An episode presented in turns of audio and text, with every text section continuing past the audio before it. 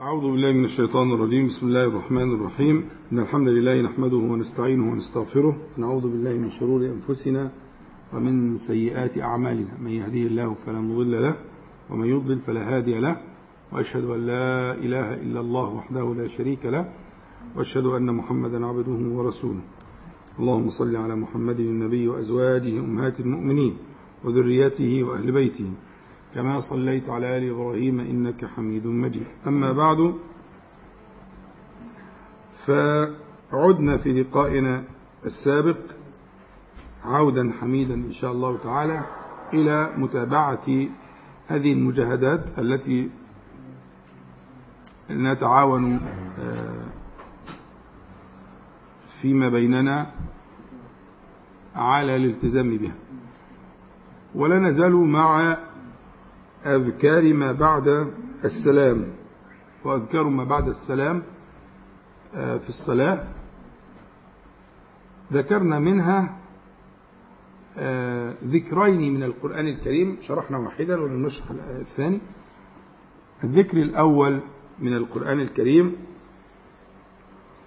هو حديث قراءة آية الكرسي. وشرحنا آية الكرسي وبيناها. بيانا إن شاء الله يكون نافعا ومن أراد أن يرجع إلى التسجيلات هيرجع إن شاء الله. والحديث وإن كان يعني في مقال لكنه في الجملة حديث مقبول هو حديث أبي أمامة رضي الله عنه أن النبي عليه الصلاة والسلام قال من قرأ آية الكرسي دبر كل صلاة مكتوبة لم يمنعه من دخول الجنة إلا أن يموت. وأن الحديث فخيم جدا فخيم جدا. ومن بلغه ذلك عن النبي عليه الصلاة والسلام وفرط في ذلك فكأنه يظلم نفسه. فكأنه يظلم نفسه. لأنه في الحقيقة أنا كما قلت لحضراتكم الكلام ده يعني ذكر ترجعوا له في التسجيلات. ما من ميت ما من ميت إلا سيموت بعد صلاة. في خلاف في المسألة دي؟ ما من ميت إلا سيموت بعد صلاة. وستكون هذه الصلاة آخر صلاة. بس حكمة ربنا أنه أخفاها. كل واحد فينا آخر صلاة بالنسبة له هتكون حاجة من خمسة يا صبح يا ظهر يا عصر يا مغرب يا عشاء. مفيش خلاف مفيش مفيش خيارات أخرى. هو خيار واحد. ف استحضار المعنى ده مقدمة لمهابة هذا الحديث. لاستحضار مهابة هذا الحديث. لم يمنعه ما ده كلام النبي عليه الصلاة والسلام لم يمنعه من دخول الجنة إلا أن يموت. طب إيه بقى في آية الكرسي رجع للتسجيل شرحناها ونشرحها تاني إن شاء الله بس عشان ما يبقاش في تكرار على الحضر ها؟ إيه السر في الآية دي؟ إيه السر في الآية دي؟ اللي يخليها في هذا المقام اللي هو يقرأها في دبر كل صلاة مكتوبة لم يمنعه من دخول الجنة إلا أن يموت. يبقى يعني كأنه يرجو الموت الآن. بعد ما تقراها حالك؟ يعني هلم. فإيه اللي موجود؟ ده يرجع بقى للايه لهذه الآية. وطبعا إحنا حكينا قصة أبي بن كعب ومكانة أبي. من النبي عليه الصلاة والسلام ومن الشريعة والصحابي الوحيد اللي النبي صلى الله عليه وسلم أمر بأمر الله تعالى وسماه الله تعالى له أن يقرأ عليه القرآن إلى آخر الكلام اللي قلناه لأبي فهو أتدري أي آية أعظم في كتاب الله؟ قال الله لا إله إلا هو الحي القيوم. قال ليهلك العلم أبا المنذر هنيئا لك. ونداه بكنيته هنيئا لك العلم. هذا هو العلم. طيب. ال ال ال القرآن الكريم آلاف الآيات. آلاف. 6236 آية في القراءة. في رواية. طيب خد خد الآية دي من الآلاف إزاي؟ هو دي البصيرة. آية. هي دي البصيرة. وقلنا بقى ليه إلى آخره ترجع للتسجيل. يبقى ال ال ال ال النص الثاني القرآني اللي هو حديث عقبة بن عامر رضي الله عنه. قال أمرني هنا بقى أمرني رسول الله صلى الله عليه وسلم أن أقرأ بالمعوذات دبر كل صلاة. وإحنا قلنا المعوذات دول ثلاثة. اتنين منهم معوذات والثالثة سورة الإخلاص وده بيسموه التغليب لغة التغليب إن هم المعوذات اتنين معوذتان. فلما يقال معوذات بالجمع يبقى ده اسمه لغة التغليب ولغة التغليب لغة شائعة في القرآن وفي السنة إلى آخره من الفصاحة يعني. بدل ما تقعد تعد تعد تعد تقول آه، صفة واحد واحدة منهم تغلب على الصفات كلها وشرحنا الكلام اللي ترجعوا له إن شاء الله. وذكرنا نعم. كان في اللقاء الثامن عشان لو حد عايز آه. وذكرنا في ده ده في القرآن الكريم. في القرآن الكريم آية الكرسي والمعوذات الثلاثة الإخلاص والمعوذتين. حلو قوي بدون ما اشرحهم لسه يشرحوا إن شاء الله. وذكرنا في السنة خدنا في السنة أربعة. أربع أحاديث خدناهم في الإيه؟ في السنة. خدنا في السنة حديث آه، ثوبان. أهم حديث الأول. أول ده عند مسلم. حديث ثوبان عند مسلم وهو آه، آه، قوله كان صلى الله عليه وسلم إذا انصرف. من صلاته استغفر ثلاثا وقال اللهم أنت السلام ومنك السلام تباركت يا ذا الجلال والإكرام. وكل كلمة من دول مشروحة. وإيه معنى السلام؟ أنت السلام يعني في ذاتك وصفاتك ومنك السلام يعني في فعلك. أنت السلام في ذاتك وصفاتك سلمت من كل عيب ونقص واتصفت بكل كمال ومنك السلام يعني في فعلك لعبادك. فلا يسلم من يسلم من خلقك إلا بك. تباركت يا ذا الجلال والإكرام. المهم ده الحديث الأول اللي هو حديث ثوبان مولى النبي عليه الصلاة والسلام. ثوبان من موالي النبي عليه الصلاة والسلام. الحديث الثاني اللي قلناه حديث معاذ أنه أخذ بيديه وقال والله إني لا أحبك. فكانت مقدمة برضو فخيمة جدا أن ما سيأتي بعدها له علاقة بهذه المقدمة. أخذ بيده عليه الصلاة والسلام وقال والله إني لا أحبك ثم نصحه وأمره ألا يدع آه، آه، أن يقول في دبر كل صلاة اللهم أعني على ذكرك وشكرك وحسن عبادتك. وبرضه درسنا الكلمات والمعاني اللي فيها. وليه؟ آه، دي وصية الحبيب للحبيب بقى. وإزاي؟ إيه قيمة الوصية الخاصة جدا دي؟ له ولأمته صلى الله عليه وسلم. يبقى هذا كان الحديث الثاني حديث معاذ يبقى حديث ثوبان وحديث معاذ. الحديث الثالث اللي خدناه حديث المغيرة بن شعبة وده حديث متفق عليه. وله قصة كده إن معاوية رضي الله عنه سأل المغيرة فكتب له بعت له كتاب المهم يقول له قول لي حديث سمعته من النبي عليه الصلاة والسلام. فبيقول كان صلى الله عليه وسلم إذا فرغ من صلاته قال لا إله إلا الله وحده لا شريك له له الملك وله الحمد وهو على كل شيء قدير. اللهم لا مانع لما أعطيت ولا معطي لما منعت ولا ينفع ذا الجد منك الجد. وشرحنا معنى آه، آه، آه، ال- ال- الألفاظ.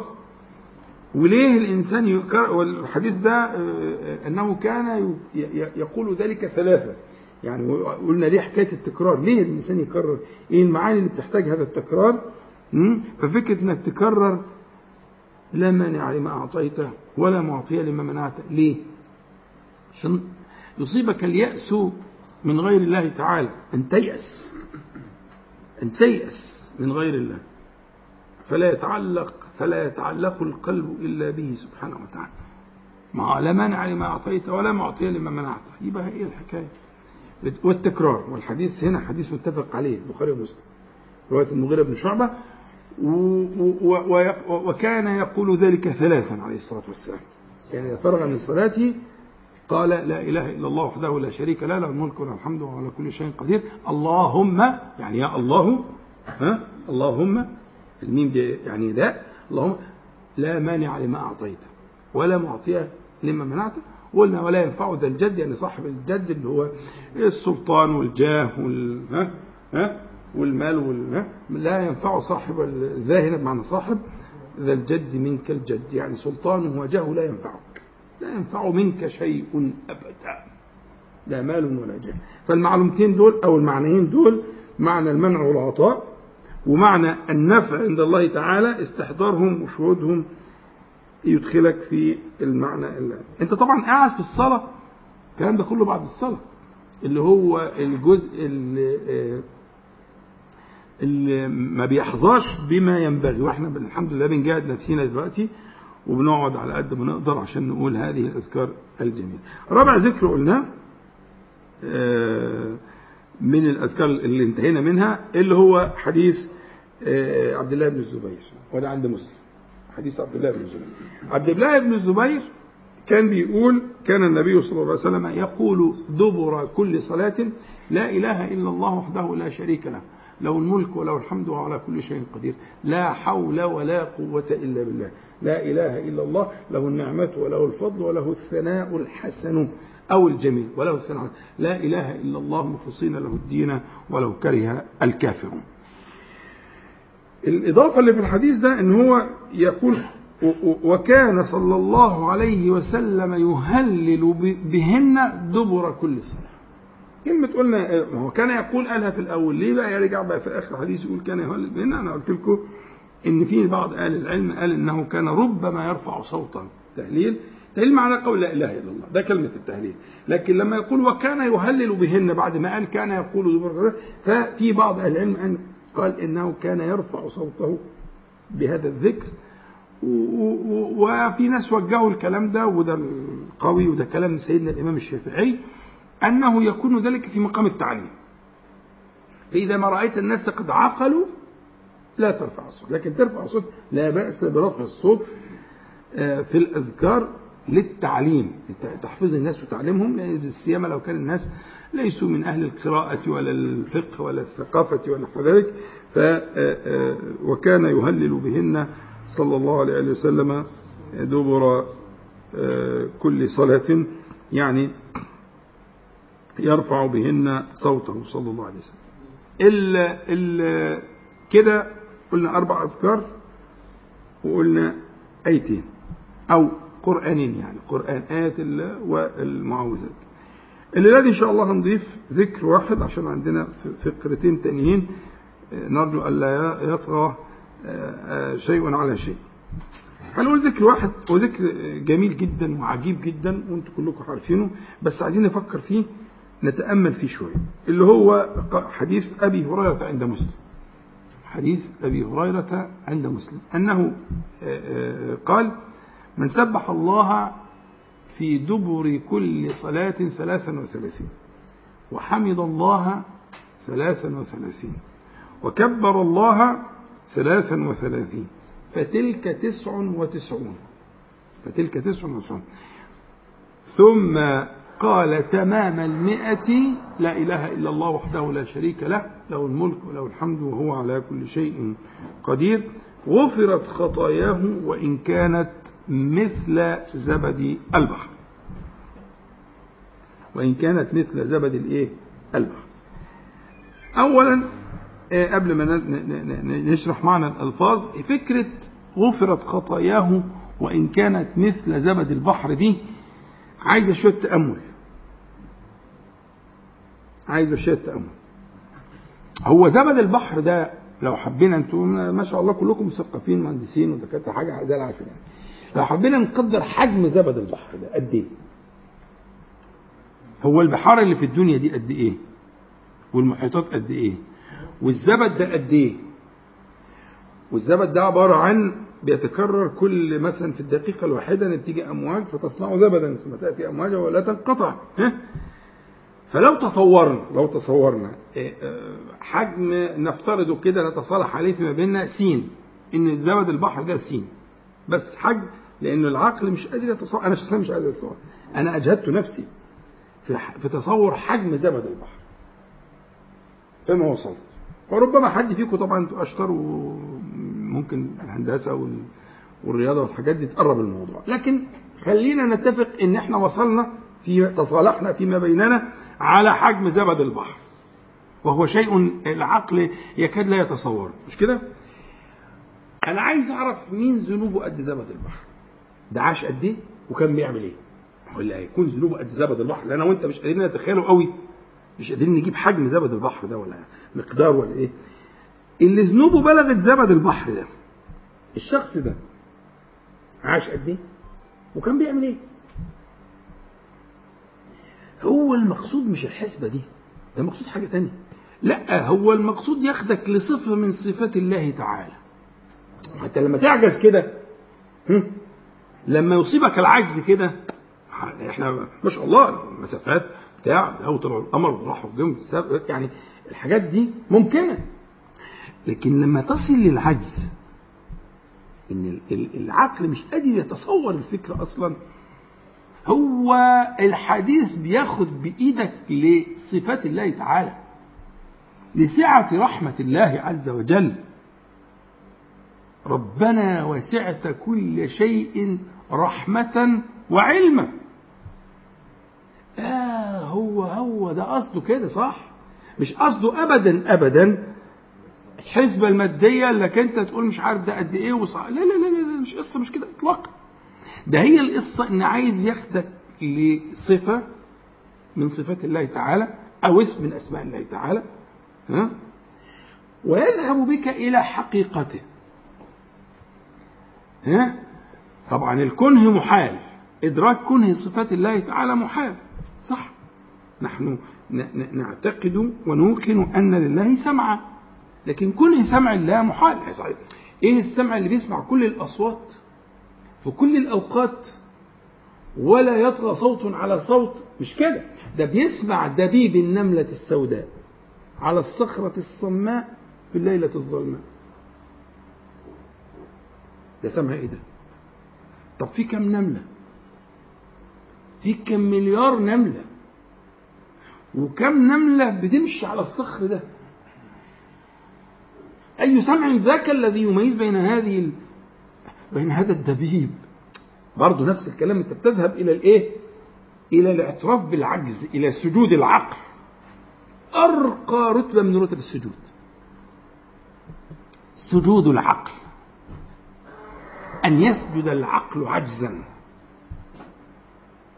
أنت تقعد ترتقي في السجود لغاية ما ربنا يكرمك ويرضيك ويكافئك ويسجد عقلك.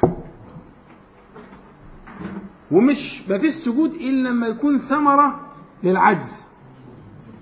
ما فيش سجود إلا أن يكون ثمرة فإذا ما عجز العقل ها؟ إذا ما عجز العقل سجد أعلن التسليم. فإحنا بنقول إن هو حكاية زبد البحر وأمثال هذه الأشياء اللي تيجي في الأحاديث هي غرض منها مش الحسبة العقلية زي ما أنا اخدتك شوية وإيه إيه وقعتك في الفخ وقلت لك تعالى تصور حجم زبد البحر وانت تصور مش عارف إيه وعاش كام سنة وهيعمل ذنوب إيه؟ القصة مش كده. القصة حاجة تانية. القصة إن هذه ال ال ال النصوص تأخذ بأيدينا شيئا فشيئا لتدلنا على الله تعالى بأسمائه وصفاته. فالحديث ده عايز يدخلك في جنة اسمها إيه؟ سعة رحمة الله تعالى.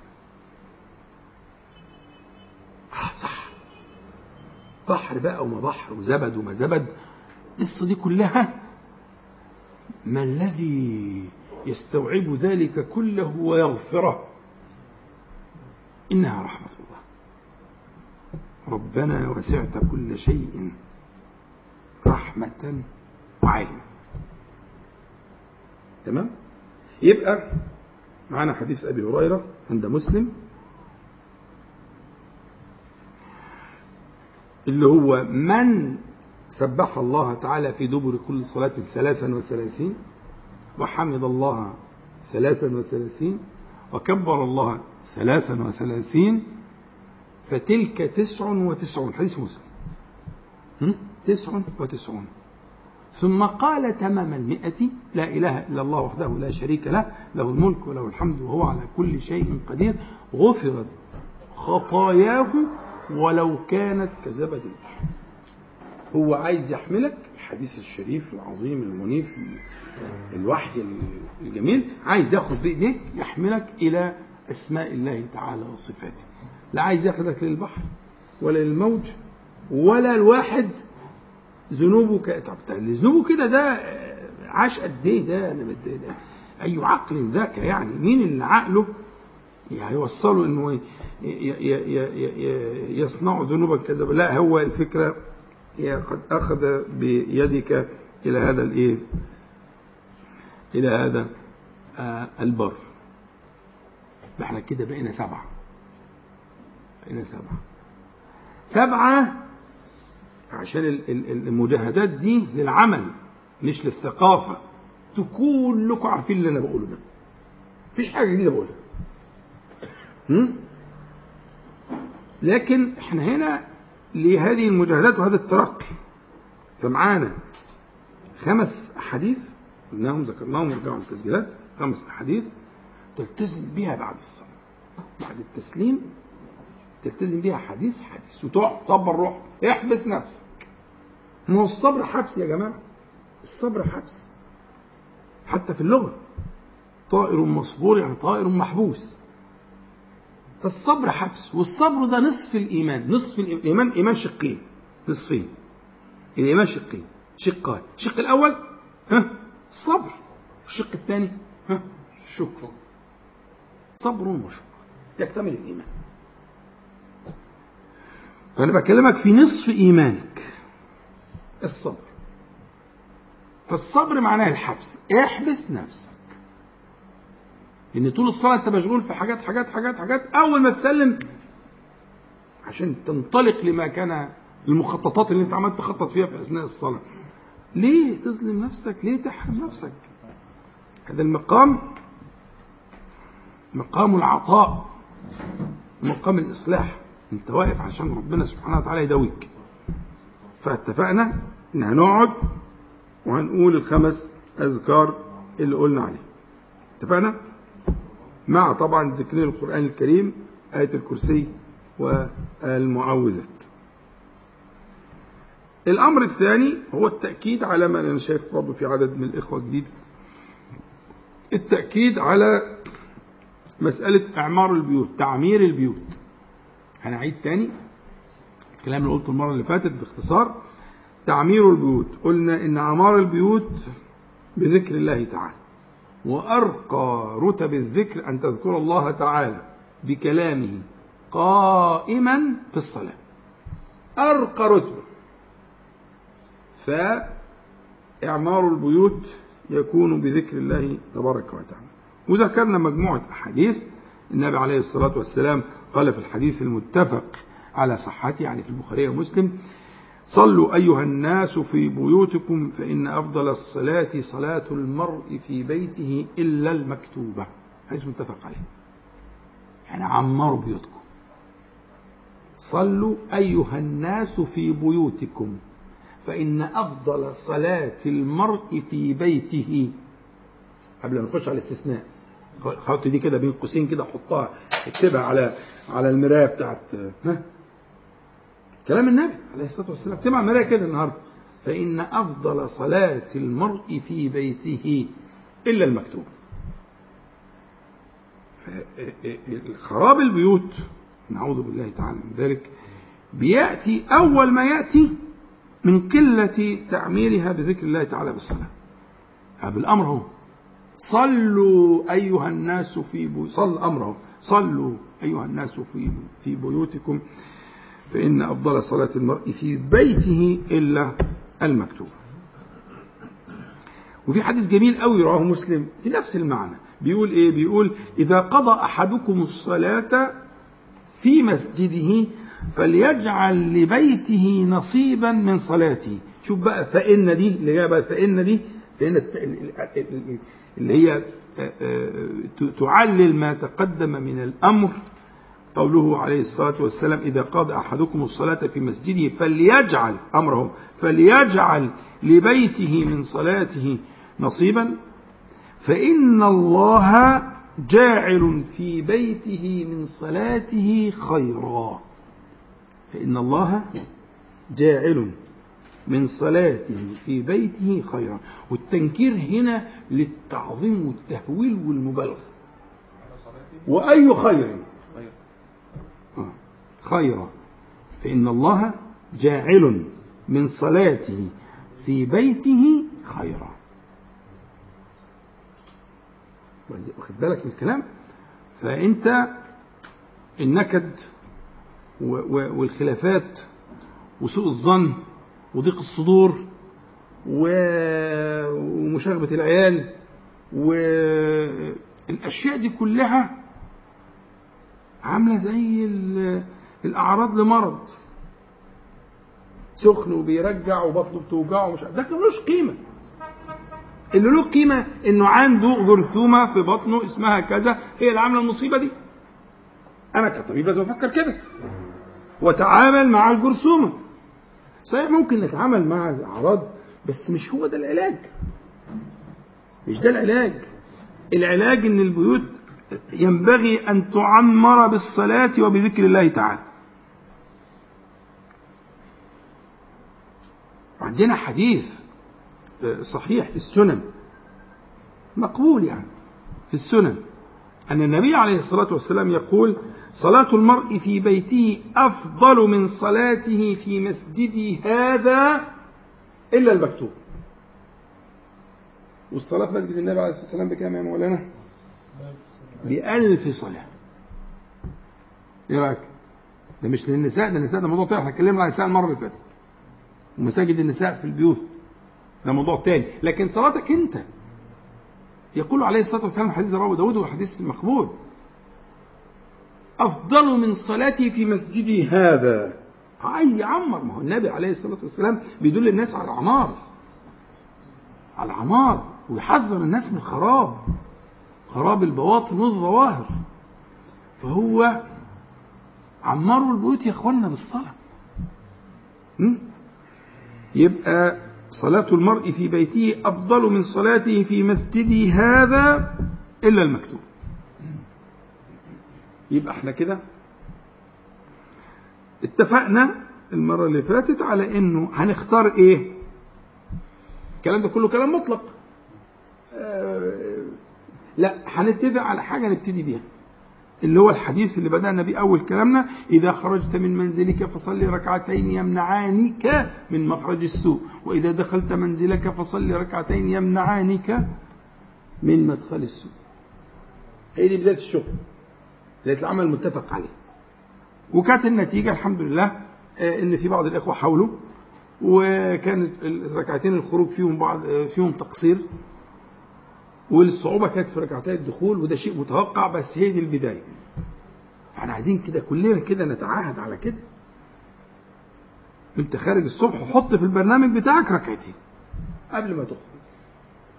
عشان بتستودع البيت ده تستودعه وديعة ها؟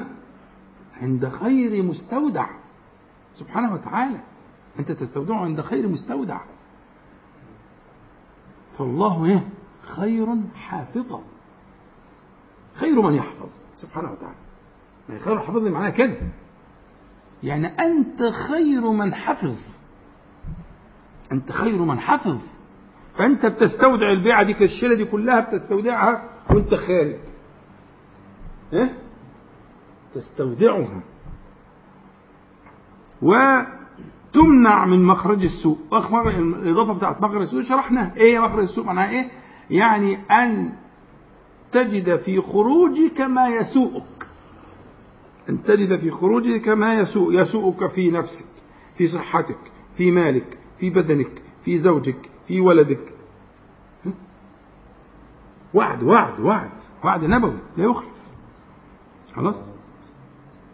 وإذا دخلت إلى منزلك فصلي ركعتين يمنعانك دي البلوى بقى عشان كده أصعب. عشان نسبة التحصيل فيها كانت صفر المرة دي. ها؟ عارفين ليه؟ لأن العائد بتاعها أكبر. فهو اللعين ما فاهم. هو أنتوا فاكرين هو مش عارف؟ ده هو مصيبته إنه عارف. هو مصيبته إنه عارف. ده عارف اللي إحنا ما نعرفوش. ده عاين الذي لم نعاينه. عاين من ملك الله تعالى وآياته ما لا نعلمه ولا لم نعرف عارف كويس جدا. لكنه أبى واستكبر. أبى واستكبر. وكان من الكافرين. لكن في العلم ده محصل علم ما. ولذلك إحنا بنقول إن قضية العلم دي قضية مش مش كلها مش كلها ميزات العلم ده آه. هو العلم النافع بس ينفع صاحبه. فالشاهد إن هو عارف. فتلاقي أنت أنت عملنا إحصاء النهارده أربعة من الإخوة إدوا تقرير. يعني تقدموا شوية في موضوع ركعتين الخروج بس ركعتين الدخول إيه؟ تأولوا إلى الصفر. ليه؟ لأن مدخل السوق ده هي برضو يعني هي دي المصيبة الكبيرة. مدخل السوق السلام عليكم. آه حط شنطة. إيه إيه إيه متوضي مش متوضي خش اتوضى هو الجدع ده بيعمل إيه؟ في آه سنة في في نور هينور البيت إن شاء الله. واتفقنا إن ده يكون العمل. فانا لن أضيف جديدا في هذا المقام ولكني سأضيف جديدا إن شاء الله تعالى. بعد الفاصل الراحة اللي هتاخدوها هنضيف جديد. اتفقنا على السنن السبعة بعد الصلاة. سبعة. دلوقتي سبعة. اوعوا تنسوا. سبعة. من هنا الأسبوع الجاي إن شاء الله بتقعد بعد الصلاة تعمل السبعة دول. حافظهم سمعهم. مش حافظهم طلع من جيبك الورق أو الكتاب. بس هتقولهم هتقولهم. بهدوء كده. واضفنا النهارده إيه؟ التسبيح والتحميد والتكبير والتهليل. 100 ولو كانت كزبد البحر ولو كانت خطاياك كزبد البحر. حط حديث آية الكرسي. مع الحديث ده أنت عامل إيه؟ أنت هلاكه برضه ولو كنت. ولو كنت لم يمنعه من دخول الجنة إلا أن يموت. والثانية ولو كانت كذا استحضروا الأحاديث إن ده فرق كبير من اللي بيعمل الأشياء دي وهو مش عارف. مردودها والوعد فيها وإنه يبقى مستحضر. فهيبقى أسبوع ماتع إن شاء الله وأنت قاعد بعد التسليم وبتقول كده. يبقى السبعة دول اتفقنا عليهم. وركعتين الخروج وركعتين الدخول. وإن شاء الله ناخد فاصل. بس رجائي ال... إحنا بدأنا المرة اللي فاتت بدري في اللقاء بتاع الاثنين والتزمنا بالبدري بس الفاصل كان ماتع جدا وكان في إكرام فظيع فالخبطة جت في الفاصل. فاحنا نتفق على إن الفاصل يكون قصير يعني يعني إذا اتفقنا 10 دقايق يبقوا 10 دقايق 10 دقايق بمرضي الله يعني. ممكن قبل الفاصل دكتور سؤال إيه الفرق بين الخطايا وبين الذنوب؟ طيب الفرق بين الخطايا والذنوب هياخد يجي خمس دقائق كلام أو سبع دقائق كلام فوعد نبدأ بيه إن شاء الله بعد الفصل. ان شاء الله لأنه مهم يعني. اتفضل. أقول لك هم دول طيب أعوذ بالله من الشيطان الرجيم. بسم الله الرحمن الرحيم. الحمد لله رب العالمين. اللهم صل على محمد وأنزل المقعد المقرب منك يوم القيامة. أما بعد ف الإضافة اللي هنضيفها النهاردة للذي إن شاء الله في مسألة المتابعات. إن أضفنا حديث أبي هريرة عند مسلم من سبح الله 33 ده إضافة للادي الإضافة الجديدة الأخرى للادي هي مسألة إضافة تتعلق ب ما لا ينفك عنه مكلف. ربنا سبحانه وتعالى من حكمته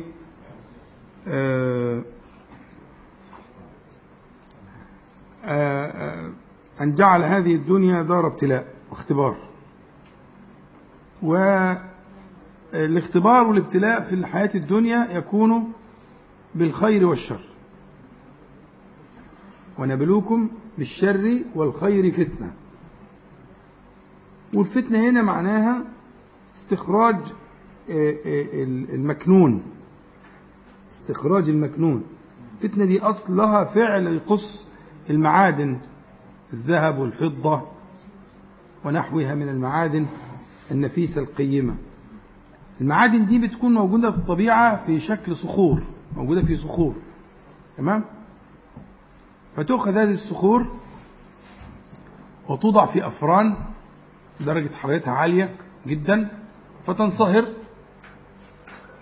الحاجة ذات القيمة العالية كثافتها عالية فتبقى والحاجات اللي هي الأحجار الكالسيوم وغيره كثافتها أقل فتطفو? فأما الزبد فيذهب جفاء يكشطوه كده من على الوش. الزبد اللي هو الخفيف ال- ال- الذي لا ينتفع به الناس.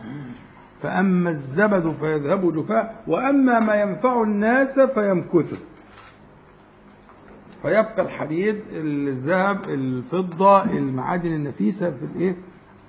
فيقولون فتنوا فتنوا الذهب. يعني استخلصوه وأخرجوه.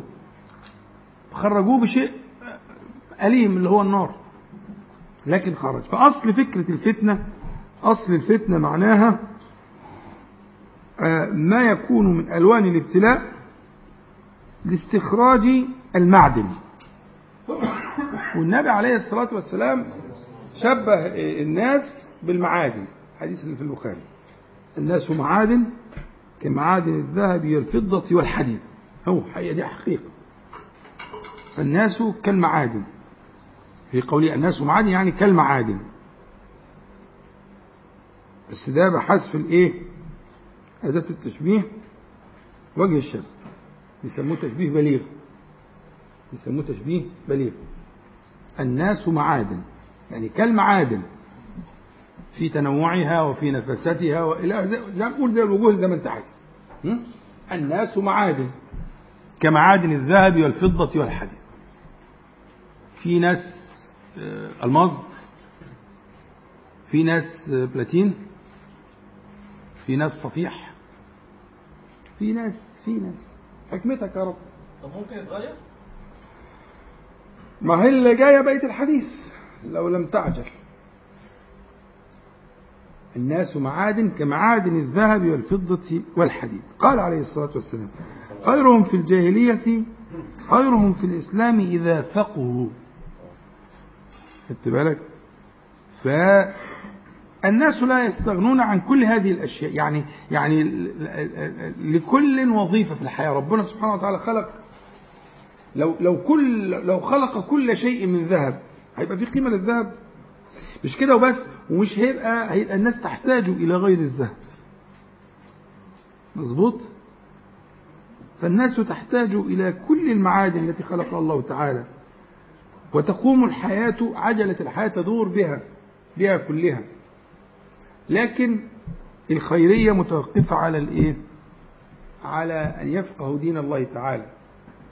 فإحنا بنقول المقدمة اللي بنقولها إن هذه الحياة إنما هي دار ابتلاء والله تعالى يبتلي بالخير وبالشر وفي باب الابتلاء بما يكره الإنسان ما من عبد إلا ويكون له أوقات فيها عسر ويكون له أوقات فيها حاجة ويكون له أوقات فيها ضعف فيقع في الذنب.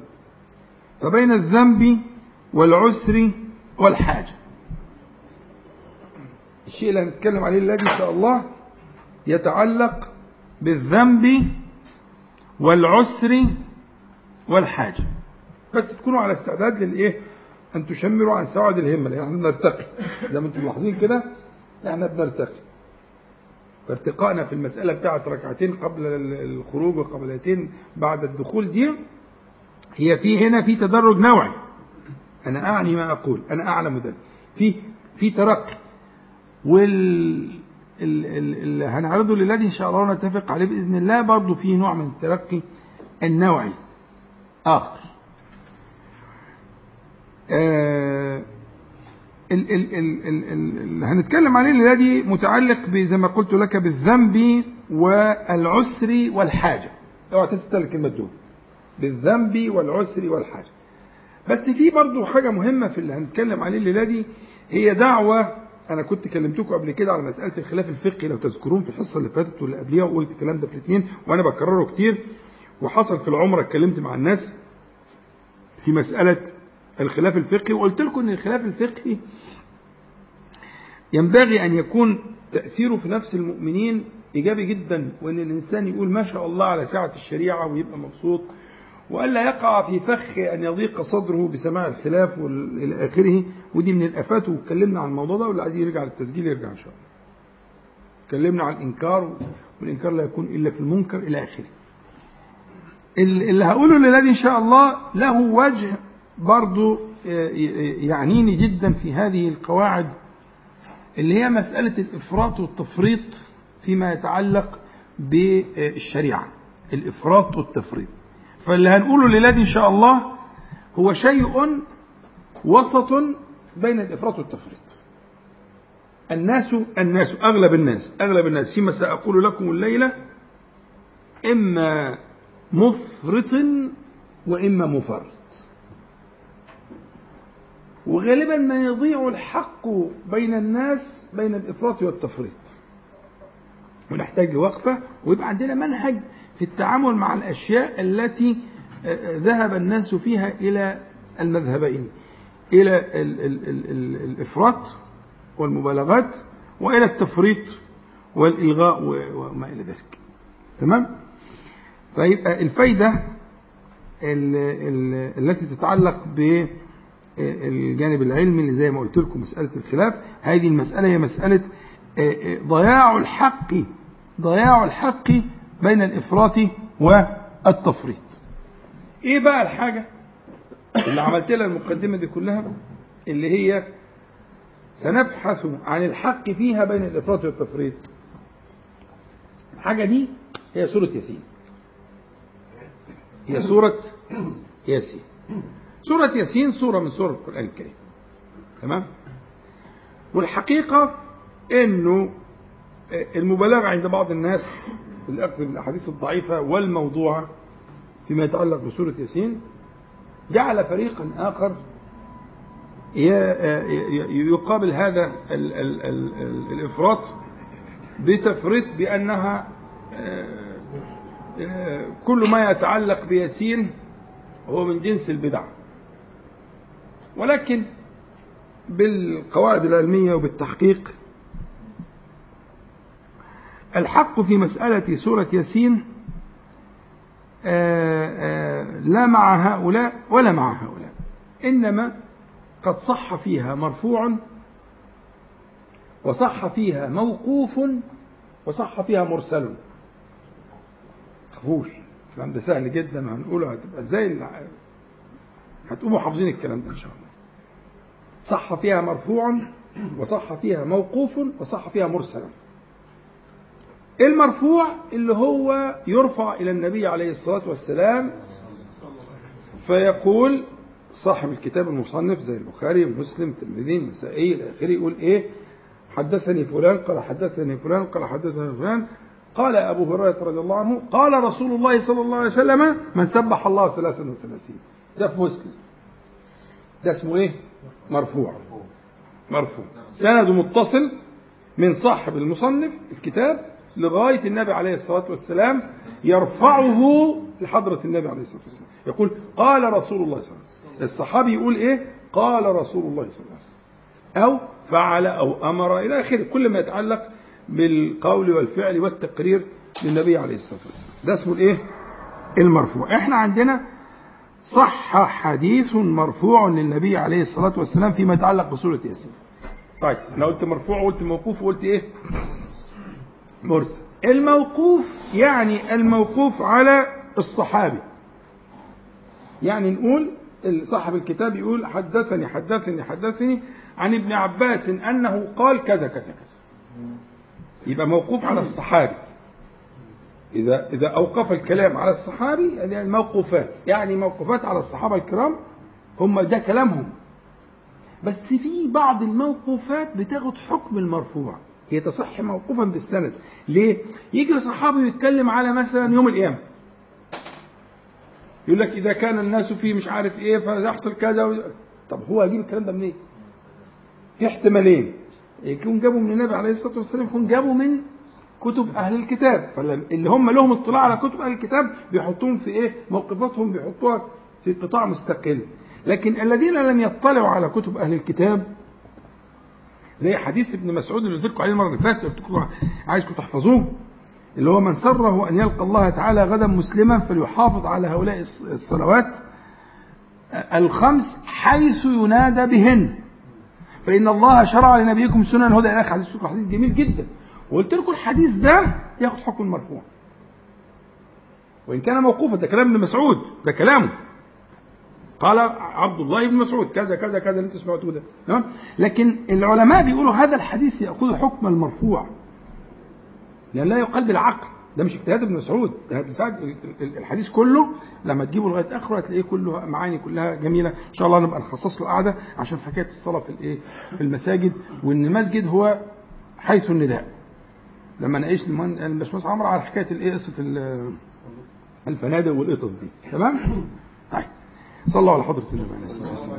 يبقى الموقوف هو الذي ينتهي سنده إلى الصحابة يقول قال ابن عباس رضي الله عنه كذا كذا كذا. قال ابن مسعود من سره أن يلقى الله تعالى إلى آخره.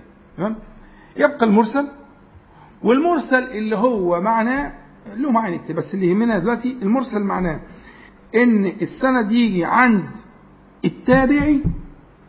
التابعي ده اللي ما شافش النبي عليه الصلاة والسلام ولو عاصره بس ما شافوش ما شافش النبي عليه الصلاة والسلام. ولو كان معاصرا له. يجي عند التابعي والتابعي يقول إيه؟ قال رسول الله صلى الله عليه وسلم. خلاص؟ والمراسيل فيها كلام كتير. وفي اساندها ويفرقوا بين بعض التابعين. ومراسيل آخرين ومراسيل سعيد بن المسيب إلى آخره. قصة طويلة كده ما تخصكمش لكن في النهاية لما نلاقي بلال عطاء بن أبي رباح نلاقي سعيد بن المسيب نلاقي مثلا الحسن البصري مجموعة التابعين دول لما يقول قال رسول الله صلى الله عليه وسلم ده بنسميه إيه؟ مرسل. مراسيل الحسن مراسيل سعيد مراسيل عطاء مراسيل إلى آخره. دول اللي هم لم يروا النبي عليه الصلاة والسلام فأكيد الكلام ده جايبينه في حد في النص. مين اللي في النص؟ ممكن يكون تابعي في الحالة زي كده علامه استفهام كبيرة. ممكن يكون صحابي. ولم يذكره طب مين هو؟ الله أعلم. ولذلك بتدرس المراسيل كل سند لوحده مستقل. وكل تابع من التابعين لوحده مستقل. فإذا قيل مرسل صحيح يعني لغاية التابعي. يعني سند لغاية التابعي صحيح. لكن مش معناه أن الكلام ده صحيح. قد يكون وقد يكون. لكن لما أقول مرسل صحيح يعني من صاحب الكتاب كتاب المراسيل مثلا لغاية عطاء بن أبي رباح لغاية الحسن البصري لغاية سعيد بن المسيب إلى غاية إلى آخره. السند ده بنحكم عليه. أما ما بعد التابعي إلى النبي صلى الله عليه وسلم ده بقى له مبحث تاني كيف يعرفون إذا كان هذا الكلام في هنا تابعي تاني أو أكثر ولا في صحابي؟ الصحابة كلهم عدول ثقات ما فيش حد بيقول إيه؟ تجريح في الصحابة خالص. فلو هو صحابي انتهى الموضوع. لو هو صحابي خلاص يبقى صحيح. لكن ليه نوصل دي؟ عايزة لها سكة كده. اتفضل يا فندم خلاص السؤال. تمام. نعم. بتقول لو التابع مثلا الإمام حسن البصري واخده من تابع تاني في مم. هل إحنا كده بنشكك من ضعف الحديث مثلا؟ ممكن يبقى ضعيف يكون الشخص ده يكون ضعيف. لو الإمام حسن البصري قال يعني مؤكد اللي هو نقل الكلام ده قال قال رسول الله صلى الله عليه وسلم هل الإمام حسن البصري مش ثقة؟ لا ما هو لو سمعوا من صحابي ما عندناش مشكلة. هو سمعوا من شخص إحنا بنضعفه. الضعف جاي في اللي بعد أي مثلا هو ممكن الشخص اللي, بينقل عنه الحسن ده تابعي تاني وثالث ورابع. حاجة شاعت بين التابعين. وأول واحد سمعها من النبي عليه الصلاه والسلام مش عارف مين هو. ودي بقى دي دقة إحنا أمة الإسناد. إحنا أمة الإسناد. صحيح. آه مرسل صحيح يعني إلى عطاء بن أبي رباح إلى آه سعيد بن المسيب إلى الحسن البصري. إحنا بنحكم على الجزء اللي عندنا اللي إحنا عارفينه. لكن ما جهل خلفه بيدرس بقى لوحده. فمثلا مراسيل سعيد جه الامام جه سيدنا الإمام الشافعي درس مراسيل سعيد مرسل مرسل. واحد واحد بسند سند. وفي ناس بتوصل المراسيل دي تجيب لها آه، شواهد عند غيرها. دي قصة واسعة جدا. لكن في النهاية إحنا لما بنحكم على السند لحد لما نوصل لغاية مين؟ لغاية التابعي ده. بعد كده عشان تقول أنه هذا من كلام النبي صلى الله عليه وسلم لا دي مسألة ثانية فالمرسل من جنس الاصلا من جنس الضعيف. لكنه قد يصح بشاهد أو متابعة إلى آخره. تمام؟ حد عنده أي سؤال تاني بنخش يعني حتة كده فرفشة ونرجع تاني لطريقتنا يعني. ها؟ طيب موضوع بسيط يعني. فاحنا علشان نصيب الحق في المسألة إحنا هنشتغل إن إحنا بنتكلم كل كلامنا هنا للعمل إحنا ما بنتكلمش للثقافة. مش كده ولا إيه؟ الثقافة لها مجالس تاني عندنا والثقافة مهمة ومطلوبة فيها مشكله خالص. بس هذا المجلس ليس مجلسا ثقافيا. ده أنت كل مرة بتروح شايل من اوله شرط اخره نور صح؟ أنت كل مرة بتروح شايل. شايل خير وبركة ونور. تمام؟ فلكن ما تفتكرش إنك أنت هنا يعني بنقضي وقت جميل ومش عارف لا. الحاجات دي موجودة. ميسوره الحمد لله. وأنا بعملها وغيري بيعملها و... لكن إنك أنت قاعد في في محضن تربوي عشان تتعلم حاجة عشان سلوكك يتغير لأن أصل الفكرة اتفقنا إن في عندنا فجوة كبيرة جدا بين معارفنا وسلوكنا. ودايما بيؤكد عليكم إن أغلب اللي بتسمعوه أنتوا عارفينه. مفيش جديد. فالفكرة إن إحنا عايزين نعمل الجسور الجسور التي تنقلنا تنقلنا من معارفنا إلى سلوكنا فسلوكنا يقرب من معارفنا وسلوكنا يكاد يتطابق مع معرفة وطبعا في ناس سلوكها بيبقى أرقى من معرفة بس دول حاجة تانية. دول حاجة تانية. سلوكهم أرقى من معرفة دول الناس المساكين اللي بتشوفوهم في الجوامع الناس الكبار في السن دول معارفهم بالنسبة لكم ولا حاجة. مساكين خالص. بس سلوكهم مع ربنا حاجة غريبة جدا. عجيبة. ربنا تبارك وتعالى يلقي في قلوب الخلق دي ألوان من الأنوار والإيمان والمهابة والإجلال لله تعالى. تحقر نفسك بجوارهم. ولا يعرف عشر معشار اللي انت عارفه. ولكنه يجل الله تعالى. وكل ما يتصل بالله بيوت ربنا وكل ما يتصل بطريق الله تعالى أو بالنبي عليه الصلاة والسلام تلاقي الإجلال والتعظيم والرهبة وال... ففي ناس سلوكها جاوز معارفها? لكن إحنا هنا المجلس المبارك ده الغرض منه أن ننتقل من معارفنا إلى سلوك يعني يدنينا شوية من معرفنا يقربنا شيئا فشيئا. فأنت بتحمل هنا لل- للعمل. اتفقنا؟ طيب. فنرجع تاني ل- للكلام. إحنا معانا زي ما قلنا في مرفوع صحيح. صح سندا عن النبي عليه الصلاة والسلام. ده حديث آه، جندب. رضي الله عنه قال قال رسول الله صلى الله عليه وسلم من قرأ ياسين في ليلة ابتغاء وجه الله غفر له. من قرأ ياسين في ليلة ابتغاء وجه الله غفر له. وعندنا موقوف عن ابن عباس وأنا رأيي اجتهادي يعني أن هذا الموقوف آه، آه، يأخذ حكم المرفوع. ليه؟ لأن لما تسمع كلام ابن عباس بيقول إيه رضي الله عنه بيقول من قرأ ياسين حين يصبح أعطي يسر يومه حتى يمسي. ومن قرأ ياسين آه، آه، في صدر ليلة أعطي يسر ليلته حتى يصبح. هذا ليس مما يقال بالعقل. فهذا الشخص يعني. إنه له حكم المرفوع لكن لا يصح مرفوعا. لأنه لم يقل قال صلى الله عليه وسلم هو بيقول من قرأ ياسين حين يصبح أعطي يسر يومه حتى يمسي.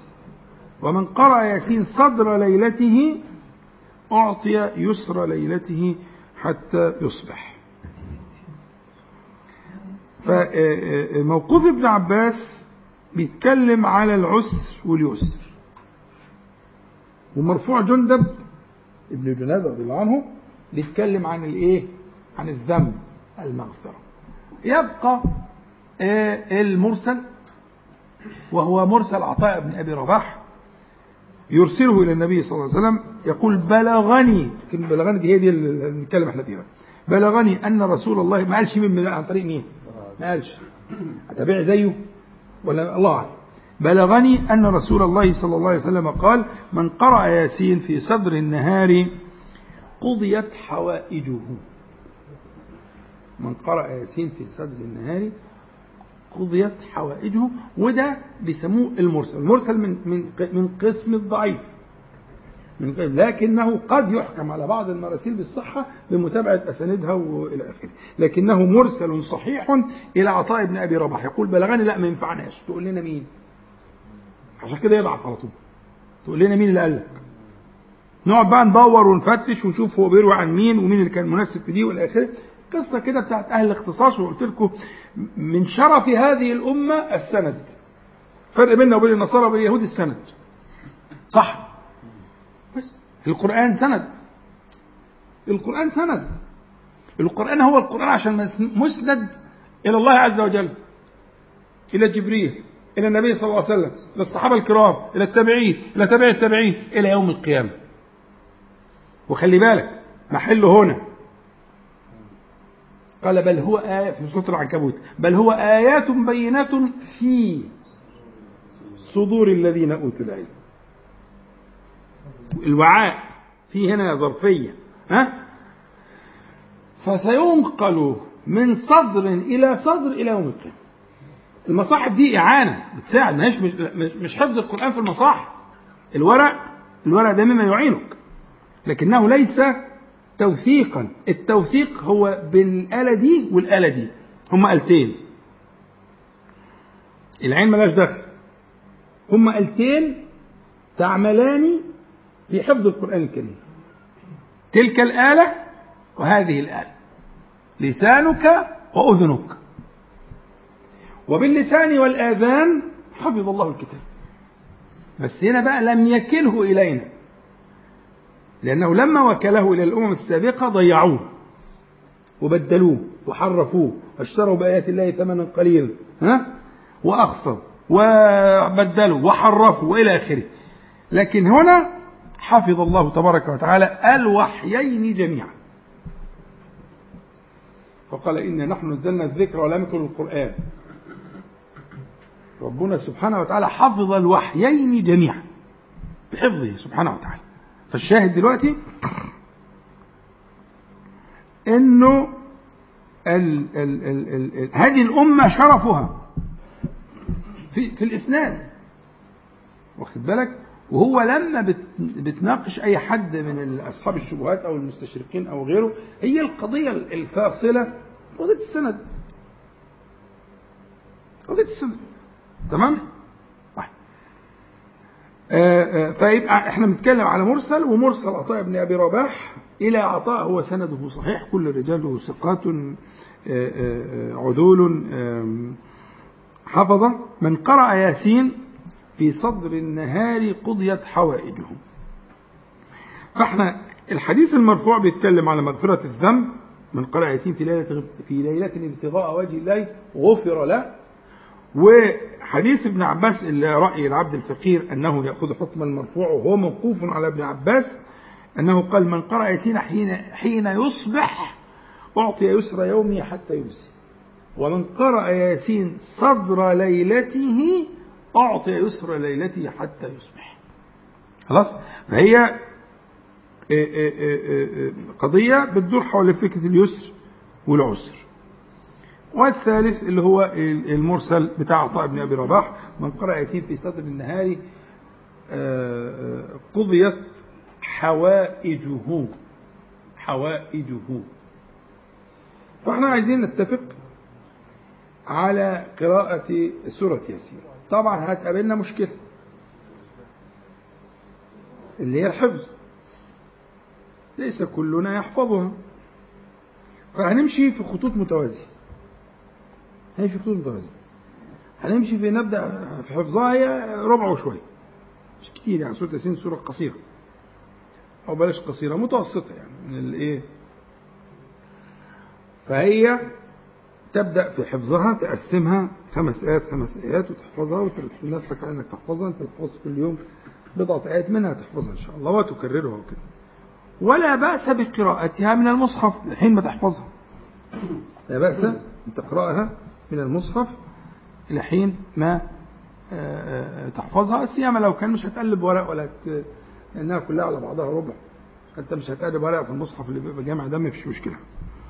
الشاهد أنه لا أريد أن تؤخر آه، الانتفاع بهذه السنة المباركة بالمغفرة وباليسر وبقضاء الحرج ليه ياسين الوقت ما يكفيش طبعا خالص إن أنا وعدت آه، عمرو إن أنا هجاوبه. ها؟ ده عشان كده. ليه آه. ياسين؟ ليه ياسين يعني دي عايزة المجلس من أوله فهنخلي ال- القراءة المرة الجاية إن شاء الله. هناخد آيات منها مختارة آه، فذة مذهلة. فعلا. يعني تفي بالأغراض الثلاثه دي إن شاء الله. بس ده عايز الحصة من أولها إن شاء الله. تمام؟ عشان بس من إيه؟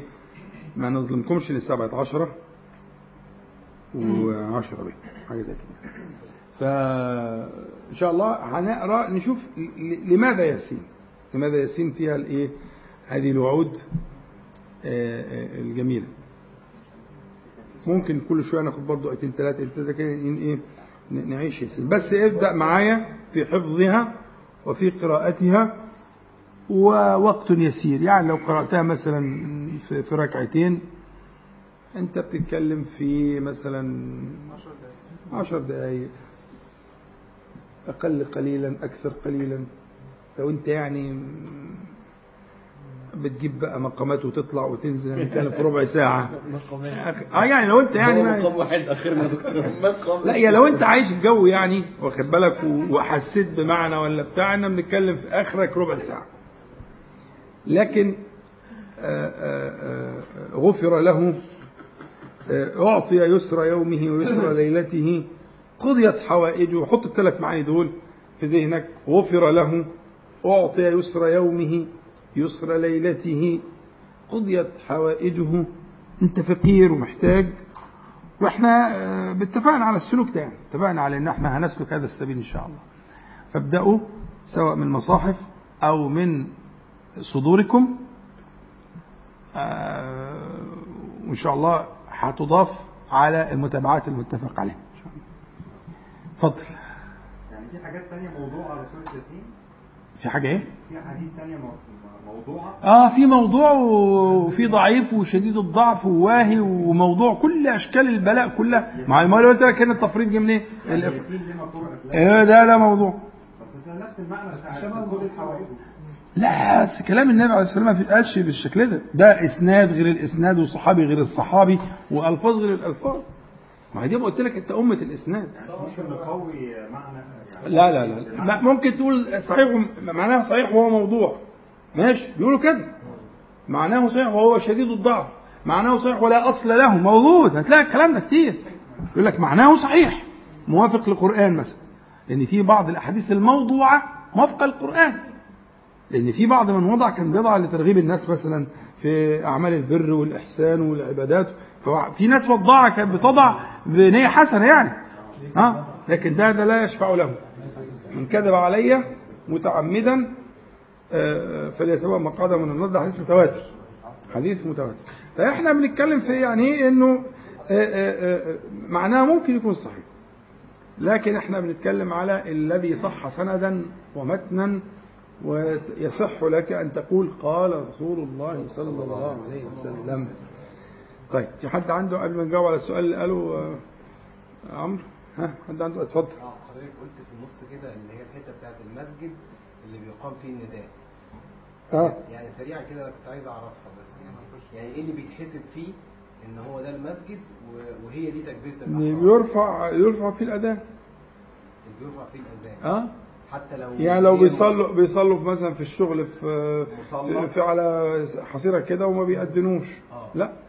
لكن لو بيأذنوا في مكان المكان ده آه، مخصص للصلاة خلاص. طيب. دي جماعة وجماعة أولى وكل حاجة. يعني تفصيلي كده سريع. يعني مثلا مصلى بيبقى في مول مثلا آه. ما بيأذنوش فيه.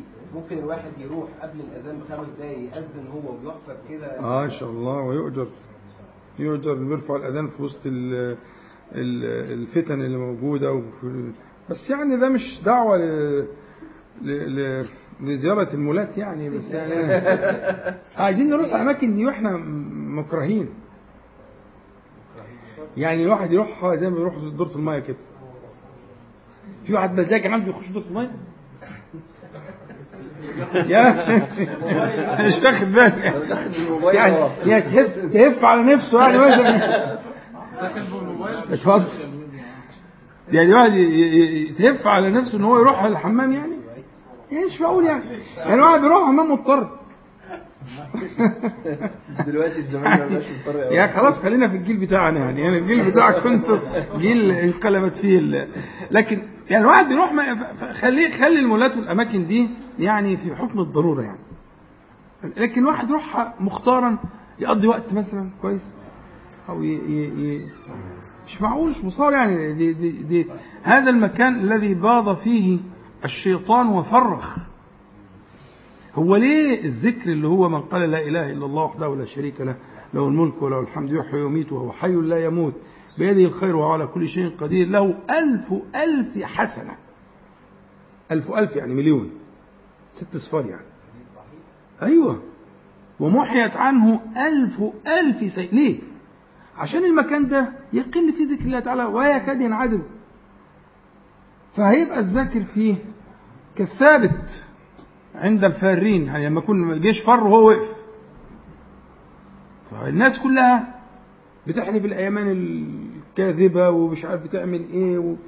والفتن والعطور والنساء وال وال وال وال وال وال وبعدين واحد ماشي يقول لا إله إلا الله وحده لا شريك له له الملك وله الحمد يحيي ويميت وهو حي لا يموت بيده الخير وهو على كل شيء قدير ألف مرة مثلا والله أنا لما بياخدوني لما بيورطوني في المشاوير دي بطلع السبحة وبعتبرها تحدي. اي والله. بعتبرها تحدي. يعني هنا يعني رايح أحرقه. مش أنت جرجرتني هنا؟ على ملا وشي. علشان الواجبات الاجتماعية ومش عارف إيه. طيب.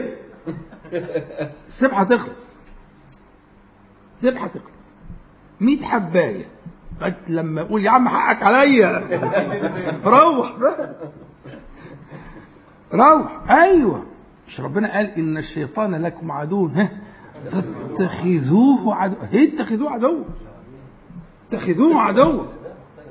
مش مش آه آه لا عايز تطلع الكاميرا عشان لسه كان بيقول ممكن بقى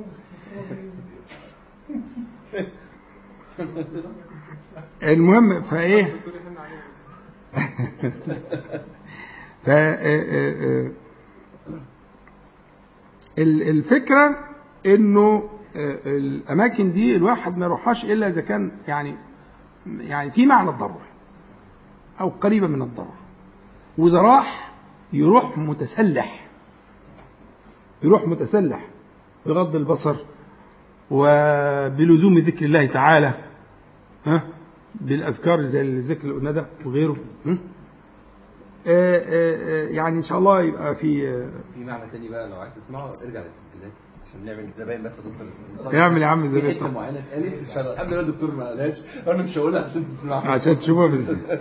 طيب ال ال السؤال بتاع عمرو وحد تاني برضو إنه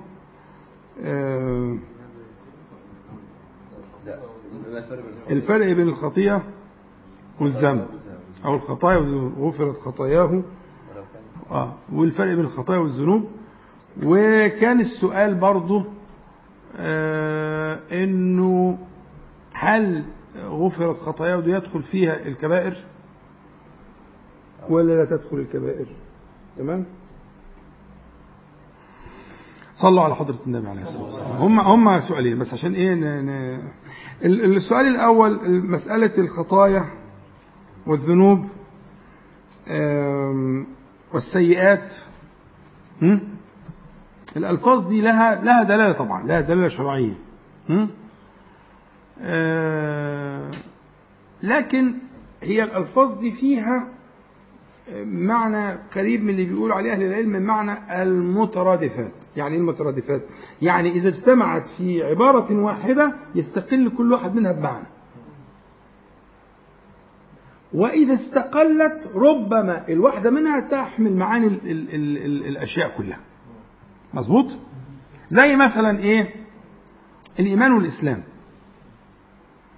يا أيها الذين آمنوا دخل فيها المسلمين في كل القرآن. دخل فيها مش خطاب للمؤمنين بس وليس المسلمين. مفيش تفريق هنا. ها؟ مفيش تفريق. كل ما قيل ها؟ للذين أسلموا يعني الذين آمنوا. مظبوط نسبتين يا دكتور المفروض أيوه ما هو اذا إذا انفردت الواحدة فيهم. تشمل الاثنين. لكن لما يجي نص عندي في الاثنين لا في تفريق. الشارع هنا فرق. قالت الأعراب آمنا قل لم تؤمنوا ولكن قولوا أسلمنا. ولما يدخل الإيمان في قلوبكم لسه بعد. هترتقوا إن شاء الله وتبقوا كده إذا عملتوا وسويتوا. آه، آه، إنما الصدقات للفقراء والمساكين. يبقى هنا في فرق لازم لأن دول ثمان أصناف وكل صنف له تعريف. خلاص؟ لكن للفقراء الذين أخرجوا من ديارهم دخل فيها المساكين قولا واحدا. تمام؟ يبقى الفكرة إن الألفاظ اللي هي بيسموها على باب الترادف في بينها يعني يردفوا بعض الترادف يعني تيجي مكان بعضها يعني ده معنى الترادف. هذه الألفاظ ها؟ آه، آه، إذا افترقت اجتمعت. يعني كل واحدة منهم تبقى بمعنى كل الأشياء. وإذا اجتمعت تفرق افترقت تمام؟ ربنا اغفر لنا ذنوبنا وكفر عنا. هنا بقى كل واحدة لها معنى لازم يكون كل واحدة لها معنى ما ينفعش كل دي حاجة واحدة. فالذنب يحتاج مغفرة والسيئة كانت عايزة إيه؟ تكفير. والتكفير معناها تغطية. يبقى حاجة سهلة. أدنى رتبة. السيئة أدنى رتبة. لأنها كانت يكفيها الإيه؟ الستر. وكفر عنا سيئاتنا. يكفيها الستر. لكن اغفر لنا ذنوبنا الم- المغفرة فيها ثلاث أشياء. فيها ثلاث أشياء. المغفرة فيها ثلاث أشياء. فيها ستر يبقى خدت اللي موجود في التكفير. فيها ستر. وفيها وقاية وفيها مداواة. ستر ووقاية ومداواة. زي المغفر كده على رأس المقاتل يستر رأسه ويقيه ما يضره على رأسه. والمداواة مأخوذة من بعض النباتات اللي كانت بتستخدم في مداواة الجروح يضعونها على الجرح ليطيب ففي مداواة للجروح في مداواة للأثر? آه المهم الشاهد إنه اغفر لنا ذنوبنا. فيبقى تأكدنا أن الذنب حاجة أعمق احتاجت إلى ستر ووقاية من الأثر? ومداواة. وال- وال- وال- والوقاية والمداواة قريبين من بعض شوية حلو قوي الذنب مأخوذ من الذنب. والذنب اللي هو ذيل الحيوان أو إلى آخره. ها؟ فمعناها أن هو آه، آه، آه، كأنه يشبه في ارتباطه بك وفي آه، آه، آه، تعلقه كتعلق الذنب بالحيوان. غير السيئة. السيئة ليس في هذا الارتباط. بمعنى ما يترك أثرا. الذنب ما يترك أثرا. خلاص؟ الشيء اللي بيبقى له وقته لسعة يعني لسعة. له وقته له نكتة سوداء يبقى ذنب اللي له أثر باقي أثر لا يزول?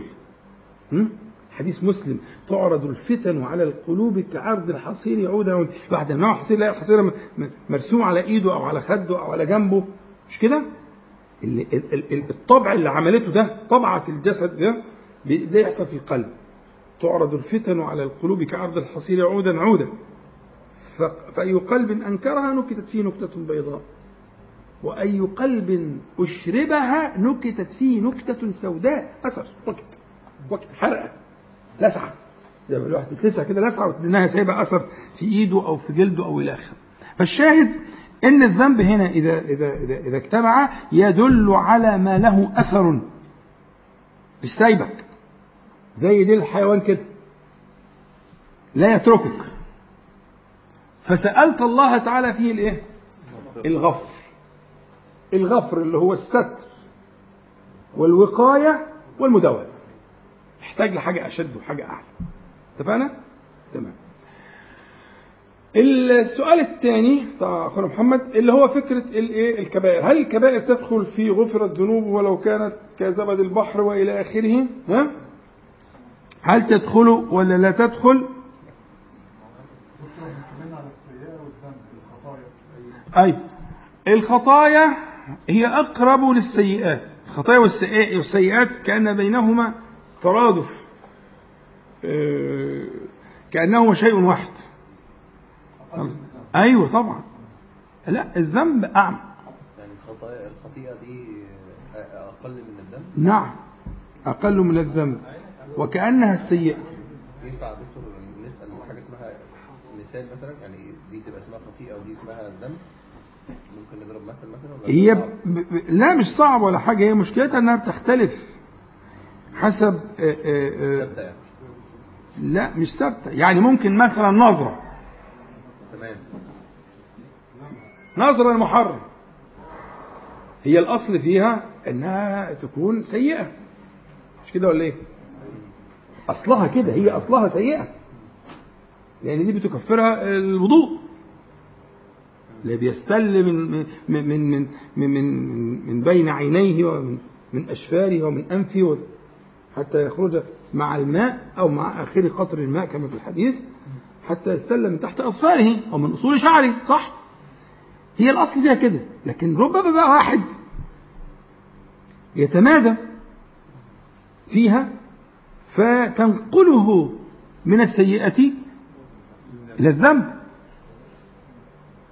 وربما يصل بها إلى من فشجرة هو في شجرة. ممكن واحد في الأول داس عليها استغفر الله خلصت المسألة وكان الوضوء إلى آخره يكفره لكن في واحد تمادى توسع وروى هذه الشجرة بماء؟ آه، آه، آه، الفكر وبماء؟ الذكر؟ فخرجت. ومثل كلمة خبيثة كشجرة خبيثة. مش كله شجر طيب. فممكن آه، ده مثلا نظرة. كلمة. ممكن كلمة وعدت. يعني آه، غيبة كده على الماشي الغيبة أصلا من الكبائر. لكن ممكن القلب كان سليم وحصل استغفار ودعيت لصاحبها وخلص الموضوع. لكن ممكن هذه الكلمة تروى بماء سوء الظن وال والذين يرمون المؤمنين والمؤمنات بغير ما اكتسبوا. فقد احتملوا بهتانا وإثما عظيما. ممكن بقى يعني هي في الفكرة إن أصل الحاجة ممكن تكون لا تتجاوز حد ال- السيئة. وانها تعدي فبالتوبة تذهب الأشياء. وبالإصرار وباللي اخطر من كده الإصرار لأن ده ممكن يكون يعني كشفه سهل. اللي أخطر من الإصرار آه أن تحقرها. أن تحقرها. أنا عايز أجيب اللفظ الحديث. أن تحقرها. حديث أم المؤمنين عائشة رضي الله عنها إياكم ومحقرات الذنوب. فإنهن يجتمعن على العبد فيهلكنه. وضربت مثل في حديث بكلام النبي عليه الصلاة والسلام روته يعني. كمثل قوم نزلوا بواد فجاء ذا بعود وذا بعود حتى حتى أنضجوا طعامهم. يعني العود الواحد ما كانش يسوي الأكل. فلولا اجتماع عيدين العود واحد تافه. انت لو واحد عود وحطيته تحت حلة عمره ما هيسوي أكل ابدا. أمال إيه اللي حصل؟ فجاء ذا بعود وذا بعود حتى أنضجوا طعامهم. العود لوحده ينام فهو إياكم عن الاستهانة أو إيه إيه إيه إحتقار الذنب. وكأنه لا لكن تعظيمه وإجلال من كان ذلك في حقه سبحانه وتعالى فإنه يأخذ فالشاهد إن إحنا ب- بالنسبة للسؤال أخونا محمد مسألة الكبائر آه، آه، أقول والله أعلم آه، إن كان صادقا في استغفاره وتوبته فإن ذلك يذهب بكل شيء إلا ما احتيج إلى شيء مخصوص في التوبة منه زي إيه؟ زي مثلا رد ال- ال- الحقوق لأصحابها مثلا. تمام؟ لكن لو كان لأن لأن من الكبائر ما هو كالغيبة يعني الغيبة كبيرة من الكبائر. الغيبة كبيرة. لكن يكفي إنك أنت تتوب عنها وإنك أنت تدعي لصاحبها وكده. وخلص الموضوع يعني. إن شاء الله يكفيك جدا آه، هذه الصلاة وهذه الأعمال الصالحة لتكفر آه، بس الكبائر التي لها مثلا لها حدود لها حقوق لا دي لابد منها. وعندنا الآية في سورة النساء إن تجتنبوا كبائر ما تنهون عنه نكفر عنكم سيئاتكم وندخلكم مدخلا كريما. فهنا آه، آه، ال- ال- ال- ال- الكبائر التي يترتب عليها شيء زي قتل النفس وزي إلى آخره. الأشياء اللي هي دي دي كبائر زي الإشراك بالله وإلى آخره. ولذلك في إشراك يدخل في الاستغفار. أعوذ بك أن أش- أن أشرك بك شيئا أعلمه. طيب والثانية وأستغفرك لما لا أعلم. يبقى أنا هستغفر استغفار عام ويذهب. ففي حاجات فاتت منك وحاجات ما أنتش منتبه لها ولكنك تتوب إلى الله توبة نصوحة و- وتذهب بالجميع. والله تعالى أعز وأعلم طيب في حد له أي نصيحة ولا سؤال؟ اتفضل بالنسبة لموضوع الغيبة في الزمن الغيبة. آه أو الغيبة سوري. لا الغيبة عدم الحضور. آه الغيبة. بالنسبة للزمن اللي إحنا فيه دلوقتي بقى الواحد منقسم على مثلا ناس بيأيدوا الباطل ويقعدوا يعظموا ليه وكده فالواحد ما بيقدرش يمسك نفسه في إن هو من يعني من الغلط والشتيمة وإن هو الدعاء عليه فدي منزلتها إيه؟ يعني الغلط تقصد إيه بالغلط؟ يعني الحلال فيهم الشتيمة أصلا. يعني صح من الآخر آه الناس واحد زي عامل نجيب من الآخر يعني. يعني حضرتك شايف أهل الباطل كتير جدا ومش بس كده لا ده بيبقى في فريق بيأيدهم وبيدعي لهم وبيغلط فينا عشان إحنا بنقول بس إن ده غلط. فكان في أخ يعني هو كان بينصحني بيقول لي اسأل في الموضوع ده عشان ما تبقاش غيبة وهو أصلا ما يستاهلوش إن هم ياخدوا مننا يعني. يعني أنت في الغيبة بتقول عليهم إيه؟ بقول عليهم كل ما هو لذة وطاب بصراحة يعني. لا لا مش كده. لما نقول أخطأوا أو جهلوا أو لم يعلموا أو فتنوا لا. لا ما هو لكن- ما يعني ظالمين هو الكلام على مين؟ هو بس التفريق الكلام لا على الناس على عموم الناس ولا على بيتكلم على الناس مش على أصل الظالمين والقتيل دول مش زملائه في الشغل يعني مش لا هو أنا مش قصدي هو بيشتغل فين؟ لا لا لا مش قصدي مش قصدي الناس يا دكتور العموم أنا قصدي الناس اللي بتتكلم على على أشخاص معينة. لا يعني لما يقول ال ال ال على ال على ال ال ال اللي قتلوا واللي ظلموا لا ده ما لهمش ما لهمش حرمه دول مفيش حاجة اسمها غايه دول ما لهمش حرمة. لكن اللي بيتكلم عن مساكين المخدوعين اللي هو ابن عمك وقريبك وساكن معاك في العمارة ومش عارف إيه وايه وايه وبتاع ده مسكين. آه. ده ضحية. بس هو يستاهل اللي يجرى له طيب ما يسمعش الكلام يعني يعني لازم يكون في برضه عقل وفهم وميزان والى آخره. فالمجرم الظالم ده مش موضوعنا أصلا ده ده ساقط الحرمة يعني وساقط أقول, فيها يا دكتور اللي أنا عايزه اللي أنا عايزه. آه بس بالحق. بالعدل يعني يعني ما تقولش امه كذا.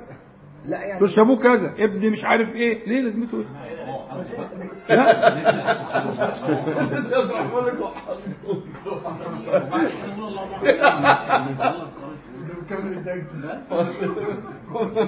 خدت بالك؟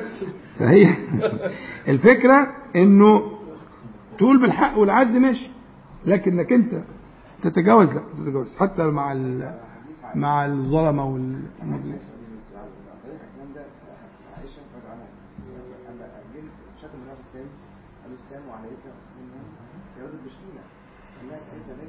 حاجة وحش يعني يعني قصدي قصدي بس عشان دي أنا فيها بطريقه غلط هي- تعدوا اليهود يعني. اليهود شافوا النبي والسلام قدام اللي هو السام السام عليه يعني رد مش هو ساعتها نهى عن كده ليس المؤمن ما يطلع بينهم بقى لا يعني. سلام لي وعليكم. سلام لي وعليكم برضه بس سبيل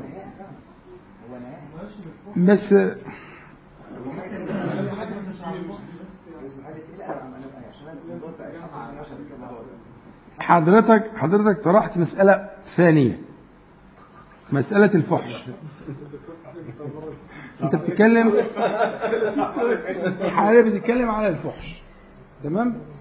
لكن هو آه، آه، يعني ممكن كلامه يشتمل على الفحش بس على الفحش وعلى غير الفحش. يعني لما يقول القتلة الظلمة المجرمين اللي آه، يكرهون الدين بيحاربوا الإسلام اللي هم مش عارف بيولوا اليهود بي مش عارف كل دي كلها مش مش من مش قصائد مدح يعني. تمام؟ لكن لم في الألفاظ المعتادة دي كلها مفيش لفظ فاحش مفيش لفظ فاحش لكن أنت بتتكلم عن الفحش. فالفحش مسألة ثانية ما أظنش إن هي دي موضوع بحثنا يعني. ليس المؤمن بالطعان ولا اللعان ولا الفاحش ولا البذيء. صح. كلام مظبوط. الفحش آه عنه. لكن بس استنى عليا يا علي يا حسين عشان هروقك إن شاء الله. بس هوضح لك المسألة إن شاء الله. بس عشان برضو حضرة طبعا القعدة هنا مظبوطة فأنا باخد راحتي في الكلام يعني لكن مش ممكن. في مسجد ما أقولش الكلام ده يعني أو في تجمع عام في خطبة جمعة ها؟ آه، آه، لكن في عندنا نصوص صحيحة. في أعلى درجات الصحة فيها ألفاظ فاحشة عشان لما تيجي تصطدم بيها ما تتخبطش تعور تجيب دم. تمام؟ في وأذن فيها النبي عليه الصلاة والسلام. خلاص؟ فهنا القضية قضية بالموازين. فألا يكون ذلك غالبا عليك جاريا على لسانك؟ أي نعم. يا دكتور هو الموضوع يعني واحد قتل ابني ولا قتل أبويا أنا مش هقدر أسيطر على نفسي في إن هو فحش ولا غير فحش بقى يعني. خلاص ما إحنا يعني بن... إحنا هنعدي كل المراحل يعني. هنحط قاعدة عامة للموضوع لكن لا ما, ما يبقاش ما يبقاش لسانك يجري عليه الفحش. هو ده المطلوب كراجل مؤمن؟ آه لا راجل مؤمن. يعني آه، لكن آه طبعا. يعني عايزين نتعلمها لأن في اللي هي بتاع سيدنا ابو بكر الصديق في بتاعت ابي بن كعب يعني في حاجات قويه أيوه. إحنا الميزان الميزان الا يكون الا يكون ذلك سمة وعلامة الا يكون جاريا على لسانك الا يكون من أخلاقك. لكن آه، آه، آه، على الإطلاق لا. كان في مشهد من النبي عليه الصلاة والسلام. آه. ولم ينهى. ولم ينهى. عليه الصلاة والسلام. بس يعني حط حاجات في أماكنها. لكن ما يبقاش ده الغالب عليه ولد ولد ولد ولد, ولد إيه يا عم وانت لازم إيه أصلا يعني؟ فرقت أنت إيه عن السواقين الميكروباصات لا طبعا. أنت راجل متدين. مش كده؟ ممكن ابائهم يكونوا كويسين. يعني إيه المانع يكون ابائهم كويسين؟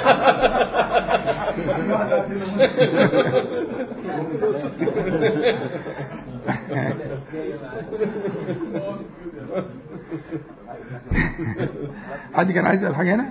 هو مناصب الفعل أحسن ما نتكلم على الشخص. مناصب الفعل بتاعه هو لو هو بيعمله تمام تمام. كويس ده أرقى ده أرقى. لكن لو لو لو لو انفعلت فقلت ظالم مفيش مشكلة. مجرم مفيش مشكلة. بيوالي اليهود مفيش مشكلة. يعني مفيش مشكلة انت بتصف الفعل برضه.